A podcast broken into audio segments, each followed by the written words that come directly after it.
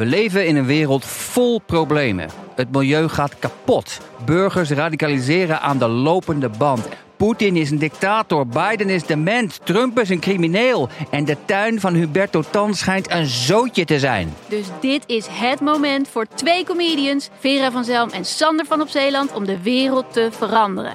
Alles moet anders. Alles moet anders.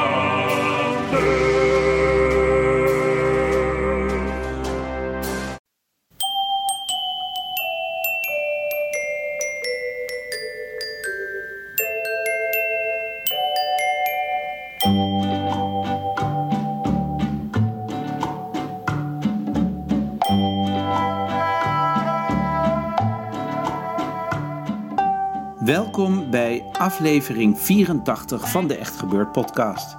Bij Echt Gebeurd worden waargebeurde verhalen verteld door mensen die ze zelf hebben meegemaakt. Deze week is dat een verhaal van Charlotte Branding. Thema van de middag was Tussen de regels.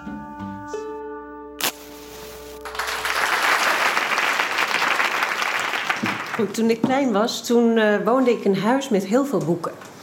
Alle wanden waren bij ons thuis altijd bekleed met boeken en ik was ook dol op lezen. En toen ik ongeveer 14 was, ontdekte ik in een mooi antieke kastje van mijn moeder eh, twee stapels met eh, harde pornoboekjes. Eh, de Chick en zo. Ik weet niet, voor mensen die dat niet kennen, dat is zeg maar echt anders dan de Playboy. Dit is echt in your face en alles helemaal van heel dichtbij gefotografeerd. Ik vond die foto's ook echt heel erg eh, griezelig en die sloeg ik altijd over, want daartussendoor stonden heel veel verhalen. Die verhalen vond ik erg interessant. Die waren ook van het eh, pittige soort, maar eh, dat kon ik toch beter hebben op een of andere manier. Dus die las ik stiekem als mijn ouders niet thuis waren. Begon ik meteen die boekjes te lezen en ik kende ze echt wel ongeveer uit mijn hoofd. En eh, ja, ik had natuurlijk zo het referentiekader van waar ik toen woonde. Dus dan dacht ik altijd, ja, daarachter bij dat pleintje, achter de Dekenmarkt. Daar stond dan bijvoorbeeld die fiets zonder zadel. Of, nou. zo, zo was dat in mijn hoofd eh, een heel ding. En op een gegeven moment ontdekte mijn moeder dat ik die boekjes had ontdekt. En die zei van, goh, eh, hoe vind je dat nou? Heel verantwoord natuurlijk. En toen loog ik echt keihard van, ja, ik heb er wel eens een gelezen... maar nou, ik vond het eigenlijk niet zo interessant. Gelukkig was dat het goede antwoord, want ze haalde de boekjes niet weg. En eh, nou, dat heb ik nog jaren gelezen. En nou, verder heb ik gewoon eh, mijn puberteit eh, wat geëxperimenteerd. En ik had wel ook op mijn leeslijst eh Heren Heresma, een hete ijsalon. Mieke Maaikes Obscene Jeugd door Louis Paul Boon. Zo. Dat eh, was eigenlijk nog een, eh, een verbetering. Hè? Want heb je en literatuur en toch die seksverhalen. Dus eh, zo ben ik een beetje mijn puberteit doorgekomen. En toen ontmoette ik Mark. Toen was ik 17. En Mark was echt mijn favoriete vriendje. En nou, toen was ik eindelijk weer een beetje op het rechte pad.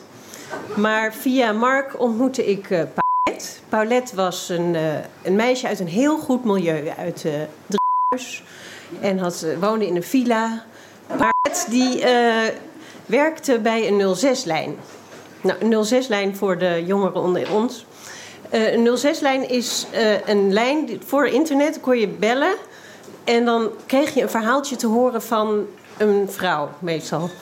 Over een spannende eh, sekshappening. En dat duurde ongeveer zeven minuten. En eh, dat kostte op de, in de hoogtijdagen denk ik wel iets van een gulden per minuut. Dus dat was big business. En ja, ik vond dat wel interessant natuurlijk, dus ik wilde dat ook. Maar zij las ze echt voor en dan stond er... Oh, ah, kreun. Daar, daar kon ik niet zoveel mee. Dus ik zei, nou, laat mij maar gewoon zelf verzinnen en zelf inspreken. Dat, eh, nou ja, en hoe dat precies met die sollicitatie en zo is gegaan, weet ik niet meer. Maar op een gegeven moment kwam ik voor de eerste keer daar binnen. Het was hier eh, vlakbij, zo op het spui. Bij de kinderboekwinkel, een paar huizen verder. En dan zo'n trapje. het is nu niet meer daar, geloof ik dus. Een trapje omhoog. En dan, toen kwam ik echt in een rood plusje wereld. Alles was rood plusje. De banken, muren, de plafonds. Alles was van rood plusje. Dus het was wel ja, precies zoals ik me had voorgesteld. En er was een, een soort klein opnamestudiootje en eh, Peter. Peter die eh, had al honderdduizend van die verhaaltjes gehoord, dus die, eh, die werd nergens meer warm of koud van. En die legde mij uit hoe ik het moest doen. En de eerste keer ging echt dramatisch. Toen zei ik, nou, en toen gingen we te karnewet. maar ja, dat was natuurlijk niet de bedoeling. Dus hij heeft me helemaal geleerd om alles expliciet te vertellen... en alle geslachtsdelen ehm, te benoemen. Dus dat was even een paar keer slikken, maar op een gegeven moment, ach...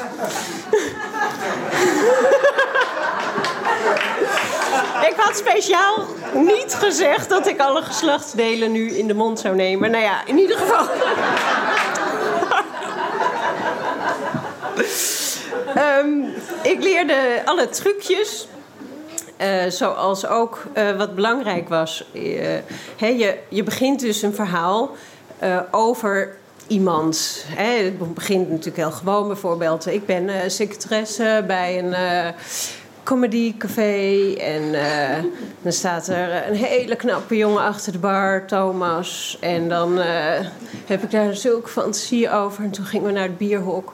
Nou, dat soort, eh, zo begint het dan. Maar op een gegeven moment moet je natuurlijk de, de overgang naar jij maken. Want zo'n man die luistert wil niet horen over Thomas, die wil het zelf.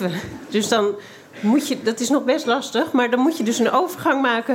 En dat deed ik dan altijd van ja, oh ja, maak mijn blouseje maar los. Dat was dan de overgang naar doe jij het maar. En nou ja, dan was je er verder. eh, verder waren die verhaallijnen natuurlijk in grote lijnen allemaal hetzelfde. Dus. eh, Ehm, en wat je ook eh, moest leren was omgaan met de, hoe heet het, de hyperventilatie. Want door dat kreunen. op een gegeven moment, na vijf minuten, ben je echt zo totaal helemaal van de kaart van dat hyperventileren. Dus daar moet je op een gegeven moment ook doorheen leren ademen. En ehm, we gingen steeds meer eh, trucjes ook eh, uitwisselen. En eh, we hadden dan bijvoorbeeld als geluidsfragment, want we vonden hoorspelen dan wel leuk. Deden van, oh moet je horen met panties over elkaar. En dan deed je dat. Of je zei van, mm, oh ja, wat groot. Dat oefenden we ook wel eens met lollies, maar dan hoor je zo tik tegen die tanden. Dat vonden, dat vonden ze niet zo goed. En op een gegeven moment hadden we echt een top eh, geluid. Ik zal het nog even laten horen.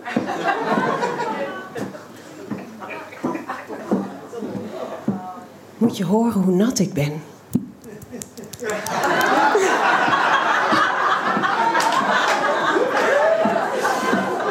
nou ja, dat werd natuurlijk in elk verhaaltje gebruikt. En zo werd het steeds gekker en gekker. En eh, was het vooral eh, veel lol en ik heb een leuke tijd gehad. eh. en op een gegeven moment ehm, hield het op, want uit bezuinigingsredenen wilden ze iedereen, al die verhaaltjes deden ze gewoon allemaal weer opnieuw.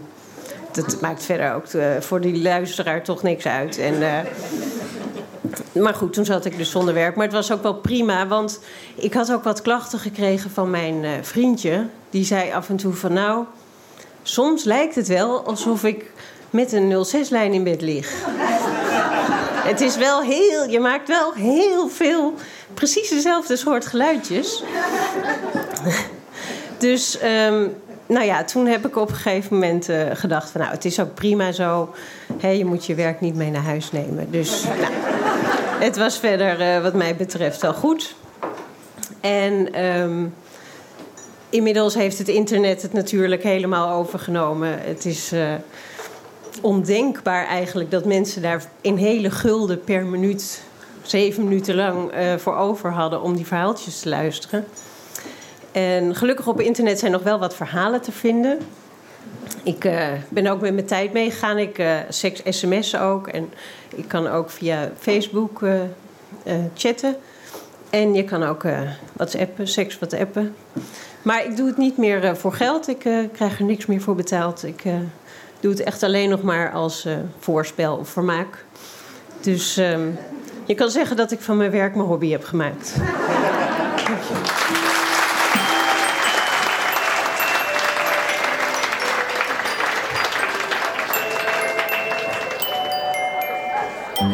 Dat was Charlotte Branding.